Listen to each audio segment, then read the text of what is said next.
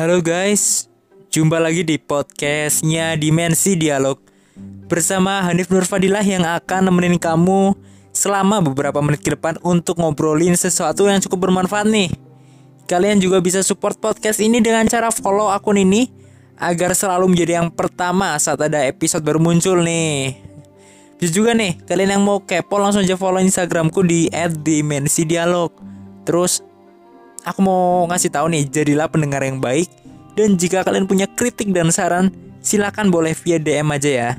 Aku tunggu nih kritik dan sarannya ya agar podcast ini bisa terus berkembang.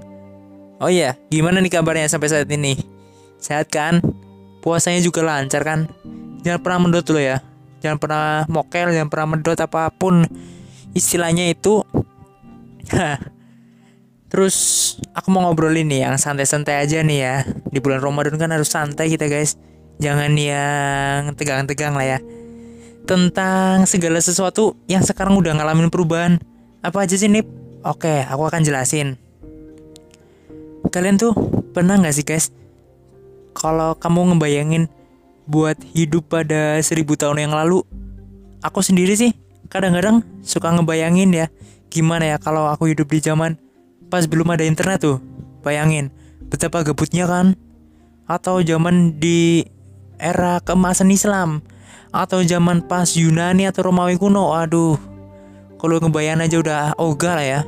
Kayaknya hidup di zaman itu tuh bakal beda jauh banget dari zaman sekarang ya. Kebayang gak sih coba? Dulu itu apalagi pas zaman-zaman belum ada teknologi kayak sekarang nih ya. Kita mau makan aja tuh susah banget kan sekarang nih ya. Udah tinggal lewat aplikasi, tinggal buka HP, tinggal pesen Gojek, udah dateng tuh. Entah itu harus berburu dulu, habis berburu harus langsung dihabisin makanannya karena nggak ada kulkas buat nyimpen. Sekarang nih udah ada transportasi, 5 menit udah sampai, ya, ya kan? Dulu tuh transportasi pada waktu itu tuh masih pakai kuda kan. Misal terus jalan dari Cilacap ke Semarang mungkin bisa makan waktu berhari-hari. Terus kamu bisa celaka kan kalau berpergian tanpa alasan. Dulu tuh fasilitas medis kayak dokter dan obat-obatan juga nggak banyak guys. Antibiotik itu juga belum ada. Orang pun banyak yang mati, banyak yang meninggal juga karena penyakit-penyakit yang disebabkan karena bakteri atau virus zaman dulu ya. Karena belum ditemukan obat. Nah, kalau kita hidup di masa seribu tahun yang lalu bayangin ya, sebenarnya yang jadi masalah buat manusia itu ya kita selalu kekurangan banyak hal, mulai dari makanan, obat, kita juga kekurangan teknologi yang canggih guys. Ya udah, yang kayak yang aku jelasin tadi ya, ribuan tahun yang lalu nih, kamu mau makan, mau berobat, dan sebagian pasti ribet banget kan? Kalau sekarang ya pasti jauh banget lah. Kalau lapar kamu bisa pesen makanan lewat ojol. 15 menit lah. Udah nyampe tuh. Udah kamu dapetin makanannya tinggal makan. Bayar di tempat pula. Atau bisa lewat gopay atau apa ya. Kalau misal kamu sakit bahkan obat dan dokter aja udah tinggal di telepon tuh bayangin. Betapa gampang betapa kepenaknya kan? Sadar atau nggak sadar teknologi juga banyak banget ngubah kebiasaan hidup manusia guys manusia yang awalnya bermasalah karena kekurangan atau keterbatasan sumber daya. Perlahan-lahan nih, jadi punya banyak hal. Mulai dari makanan yang berlimpah, obat yang sangat banyak, teknologi yang udah maju, udah canggih, sampai ke informasi yang nggak terbatas, yang nggak ada di internet. Bayangin tuh, betapa mudahnya kan. Dan karena banyak hal yang bisa kita nikmati dengan mudah, orang-orang tentu jadi ngerasa seneng dong. Ya termasuk aku, aku juga seneng kalau segala sesuatu itu mudah. Ekonominya pun mudah. Jadi membaik kan? Dan banyak dampak positif lainnya. Tapi kalau kita lihat sekarang nih kebanyakan hal itu kebanyakan hal baru itu akhirnya membuat permasalahan ya. Permasalahan di dunia nih. Permasalahan baru dulu ya. Nih mungkin banyak orang yang bisa meninggal karena kelaparan. Tapi coba sekarang justru banyak nih orang yang meninggal karena kebanyakan makan tingkat obesitas juga meningkat di berbagai negara. Terus kita jadi rentan terkena penyakit kan? Menariknya bukan dari bakteri atau virus lah, tapi oleh gaya hidup kita yang buruk sehari-harinya. Nah, gaya hidup kamu misalnya, misal nih, udah pak ma, udah masih pagi tapi udah mager gitu kan gaya hidup yang buruk harusnya masih pagi tuh udah beraktivitas. Jadi tuh yang membuat kita sakit itu justru dari gaya hidup kita nah ya. Dari kebiasaan makan apalagi olahraga. Kayak tidur yang sering begadang kamu juga kan sering begadang ya aku tau lah. Banyak tugas sama sih. Nah ini tuh masalah pertama guys. Nah tentang makanan nih. Gara-gara banyak kan jadinya orang tuh nggak bisa kontrol makan itu. Satu itu ya. Yang kedua tuh kalau dulu orang itu kekurangan obat orang bisa sampai meninggal ya karena infeksi nggak ada obat malaria nggak ada obat diare juga nggak ada obat pembasmi bakteri dari berbagai penyakit lainnya nih sekarang semakin kita berkembang, obat mungkin gak bisa dibilang sebanyak itu ya, sampai infinite gitu. Tapi misal kalau dibandingin sama ratusan tahun lalu, ya jelas sekarang obat itu jadi banyak banget. Tapi dengan banyaknya obat ya, tahu nggak sih? Justru itu banyak banget obat yang dipakai buat hal yang bukan peruntukannya. Nah, contohnya apa?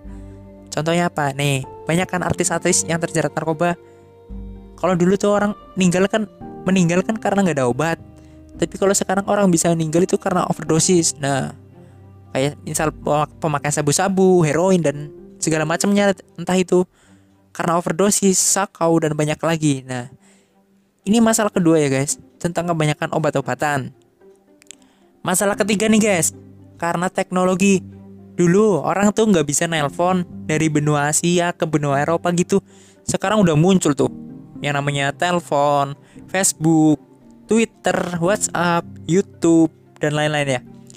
Instagram juga. Akhirnya orang-orang kan jadi seneng gitu loh.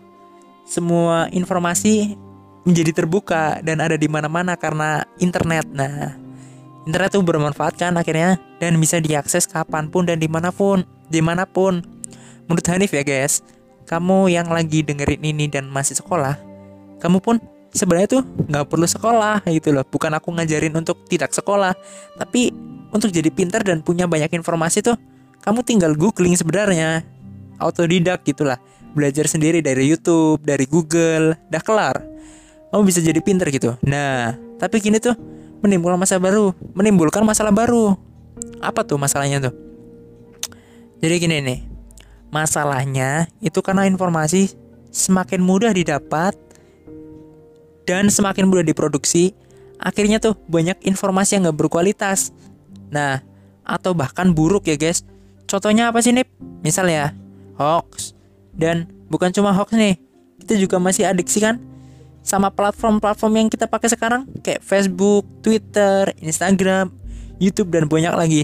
Ya, kalau kamu perhatikan aja sih hoax ini udah makin berkembang banget tuh. Misal kamu apa menerima suatu berita gitu dari teman kamu melalui WhatsApp dan kamu nggak baca sampai akar-akarnya itu kan kalau disebarin kan malah justru bikin rugi orang lain orang lain juga ikut percaya apa yang kamu katain gitu nah nah masalahnya lagi tuh banyak tuh yang adiksinya bukan ke konten yang positif tapi justru negatif nih misal nih kamu jadi mudah akses pornografi sampai ke konten yang sebenarnya mungkin nggak bermanfaat bermanfaat banget lah nah kesimpulannya tuh kesimpulannya dulu tuh masalah manusia itu segala sesuatu adalah tentang kekurangan. Kekurangan dan kekurangan. Sementara sekarang ya, setelah semua hal jadi banyak, justru tuh manusia malah bermasalah nih sama semua hal yang kayaknya malah jadi kebanyakan. Nah, nah guys, hal ini tuh menurutku menarik ya. Dari sinilah kita bisa tahu bahwa hal apa pun nih kalau kebanyakan bisa jadi buat buruk bisa jadi buruk buat kita ya ingat segala sesuatu yang berlehab, yang berlebihan itu tidak baik contohnya tadi ya guys mulai dari makanan teknologi sampai dengan obat yang bikin kita jadi edik semuanya nah karena masalah itu tuh akhirnya muncullah orang yang merespon masalah ini. Dengan apa? Dengan gaya hidup minimalis. Penasaran kan? Oke di Anip di podcast ini bakal ngupas nih tentang gaya hidup minimalis. Gimana sih maksudnya nih? Intinya gaya hidup di mana kamu ngurangin segala yang berlebihan dalam hidupmu dan beneran fokus ke sedikit hal yang emang penting buat kamu. Ya intinya kayak gitu ya. Nah aku simpulin aja sih. Nah dengan masalah-masalah yang terjadi nih di sekarang ini yang sekarang pengen aku bahas dan ku, fok ku fokus ini di podcast ini adalah aku pengen ngebahas tentang digital minimalism atau minimalis versi digital ya. Mungkin kamu nih asing banget nih dengar kata ini ya. Nah kita sekarang tuh sebenarnya sedang dibombardir dengan konten yang bertebaran di berbagai platform media sosial mulai dari Instagram, Twitter, Facebook, YouTube dan banyak lagi. Dan meskipun ada dampak baiknya, ada banyak kasus juga di mana kita bisa jadi merasakan dampak buruk dampak buruk dari platform ini loh guys. Entah karena kita ketagihan atau info yang ada tuh nggak bermanfaat gitu loh. Pernah nggak sih kalian ngerasa gitu? Oh ini berita nggak bermanfaat banget nih. Udahlah aku skip aja gitu. Nah atau toksik buat kita. Nah segala sesuatu yang bersifatnya meracuni itu udah segera harus jauhi gitu loh.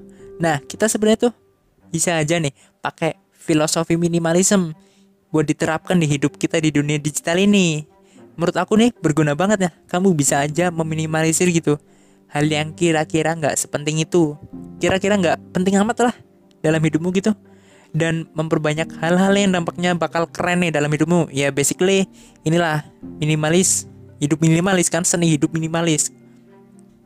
Nah, sekarang nih sebelum aku mulai bahas-bahas tipsnya, aku mau nanya nih, berapa ha, ber, beberapa hal nih ke kamu nih ya. Kamu ngabisin berapa jam berapa jam sih buat hari ini buka buat buka Instagram? Aku yakin lah 70% ngejawab lebih dari tiga jam ya. Kali gabut-gabut di rumah gini nggak mungkin buka Instagram gitu kan? Ya mungkin ada bagi, sebagian seorang lah yang kuat. Tapi kan sebagian besar kan ya pastilah remaja-remaja sampai remaja-remaja sekarang kan ya kepengen terus update gitu kan. Terus kamu ngabisin berapa lama sih buat buka story IG terus kamu ngabisin berapa lama juga nih buat ngeliatin thread dan drama di Twitter atau misal kamu ngabisin berapa lama sih untuk scrolling online online shop itu? Milih-milih barang gitu loh. Sampai lama banget gitu loh. Akhirnya pun nggak beli ayalah nah kalau emang orangnya kamu suka main medsos harusnya nih banyak banget sih waktu yang kamu habisin buat mantengin konten-kontennya. Dulu nih aku juga sempet ngerasain hal ini nih. Dulu edik banget yakin? Dulu aku cuma ngerasa cemas gitu loh. Ngerasa cemas kenapa? Nggak ada HP gitu. Bahkan cuma selang 5 menit aja aku nggak buka HP ya. Buat ngecek instastory atau video YouTube misalnya aku tuh bisa ngerasa stres atau sako gitu mungkin. Nah kalau udah kayak gini nih kamu ngerasa stres gini nih berarti ada yang salah nih. Jangan-jangan yang nyebabin adalah ya karena kamu nggak nerapin hidup sederhana aja. Atau dengan kata lain kamu banyak konsumsi dengan hal yang hal-hal yang nggak esensial. Atau bahkan jauh dari kata manfaat gitu loh. Sampai akhirnya kamu ketagihan gitu. Tapi kamu mungkin ngerasa nggak dapat ngerasa nggak dapat apa-apa gitu dari sana. Jadinya ketagihan tapi ketagihan sama hal yang negatif gitu loh. Maksud nggak? Ketagihan tapi sama hal yang tidak bermanfaat sama sekali gitu loh. Terus gimana dong? Nah kali ini Anip mau jelasin nih. Nah cara hidup minimal minimalis ini solusinya nih menurutku nih ya. Di era digital ini bisa kita lakuin dengan langkah-langkah berikut ini nih Ya, apa aja nih? Pertama, kamu perlu menganalisis nih kira-kira apa sih hal yang penting buat kamu. Terus konten kayak apa sih yang kamu konsumsi setiap hari? Mungkin sosmed ya. Dan internet itu adalah bagian besar dari hidupmu untuk saat ini nih. Dan sebenarnya juga nggak ada yang salah sih dengan dengan itu gitulah. Aku justru nyaranin ya kamu buat memanfaatkan sosmed dan internet itu untuk mengekspresikan dirimu gitu loh. Misal kamu seneng di kayak podcast seperti aku ya kamu buat podcast lah ngerekam sendiri gitu. Ya nggak usah pakai alat-alat yang mahal cukup pakai HP aja udah cukup udah bisa. Yang penting kontennya itu bermanfaat terus nggak merugikan nggak bawa-bawa sara gitulah. Dengan catatan ya internet bisa kasih dampak positif dan emang kamu mengkonsumsi konten yang sesuai dengan keinginanmu. Misal ya kita tuh banyak tuh ngeliat tuh teman-teman kita yang banyak jualan di Instagram. Kayak misalnya jual sepatu, jualan uh, alat-alat kecantikan dan produk make up, semuanya tuh baik dan bagus untuk ya untuk seumuran kita. Karena kita seumuran ini kita harus berkembang ya, harus punya bakat dan bisnis tertentu ya. yang bisa bermanfaat nantilah buat apa keesokan harinya nih konsumsi internet dan sosmed itu bisa jadi loh guys. Kurang baik loh. Kalau misal menjadi udah jadi bagian besar dalam hidupmu tanpa internet kita nggak hidup gitulah istilahnya ya. Contoh tapi hal yang konsumsi itu tuh sebenarnya tuh hal yang nggak penting-penting banget tuh buat kamu gitu loh.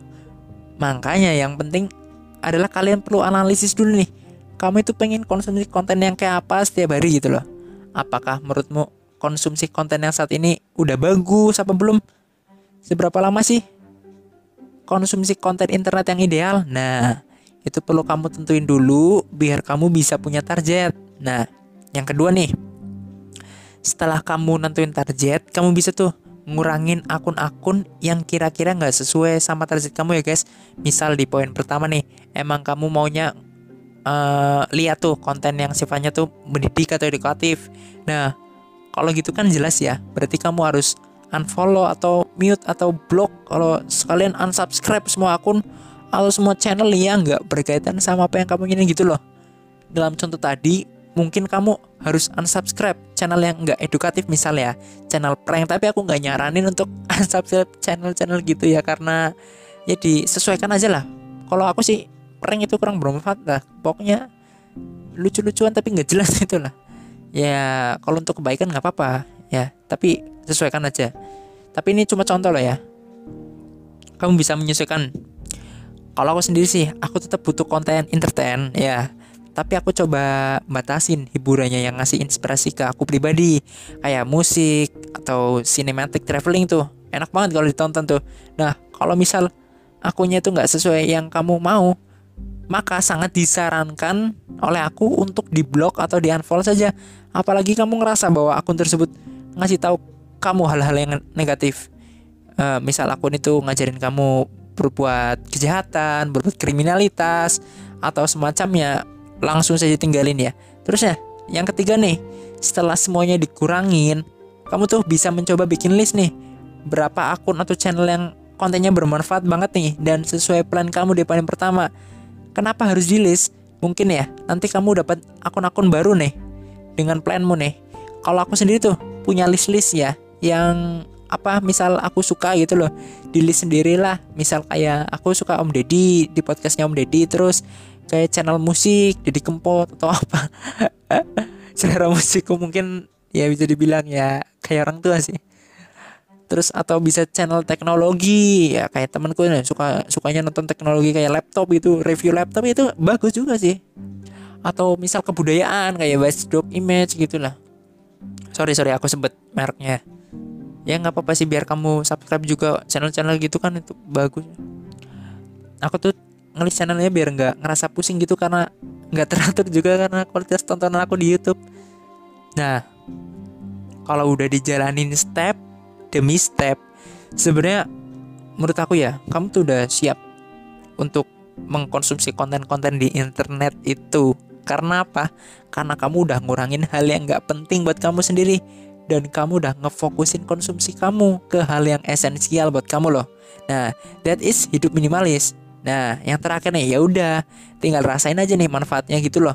Aku yakin banget sih setelah kamu ngelakuin hal ini, sosial media bisa jadi kasih manfaat banyak buat kamu nih. Karena ya pada akhirnya sosmed itu ingat ya cuman alat, cuman tools. Sosmed itu netral. Nah, yang nentuin baik atau buruknya balik lagi ke perilaku kita. Kalau konsumsi kita sehari-hari adalah hal buruk, maka itu akan berpengaruh ke dalam diri kita. Begitupun sebaliknya. Nah, intinya kayak dua mata pisau lah.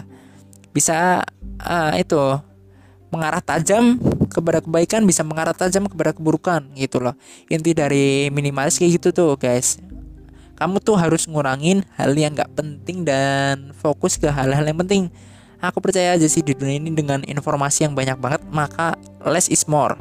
Pada akhirnya di era digital ini akan lebih baik jika kita mentingin filtering loh gitu loh, disaring dulu loh terhadap konsumsi kualitas kita di internet. Karena menurutku nih kalau kita lebih baik konsumsi sedikit tapi berkualitas dibandingkan uh, jumlah yang kita lihat gitu jumlah video-video yang kita lihat tapi nggak berkualitas gitu loh. Inilah kesederhanaan. Jangan sampai ya kamu dikontrol sama konten di internet namun juga kamu harus mengontrol ya kamu yang kamu konsumsi ya. Nih kamu itu manusia bukan robot yang mau dikontrol terus sama teknologi. Kamu harus bisa kontrol bisa jaga diri jaga jaga hati ya kalau bisa ya Nah, akhir kata nih, jadilah pendengar yang baik ya. Biasa ya, semangat terus untuk jadi orang yang sederhana di dalam bersosial media. Dan jangan lupa jadikan teknologi ini bikin kamu semakin berkembang. Nah, satu lagi nih, yang aku mau ngomongin jangan lupa untuk support biasa ya. jangan lupa untuk support terus podcastku dengan mengikutinya dan jangan lupa kalian yang dengerin boleh kepoin Instagram dan follow akun @dimensi dialog. Bye, see you on the next podcast. Bye bye.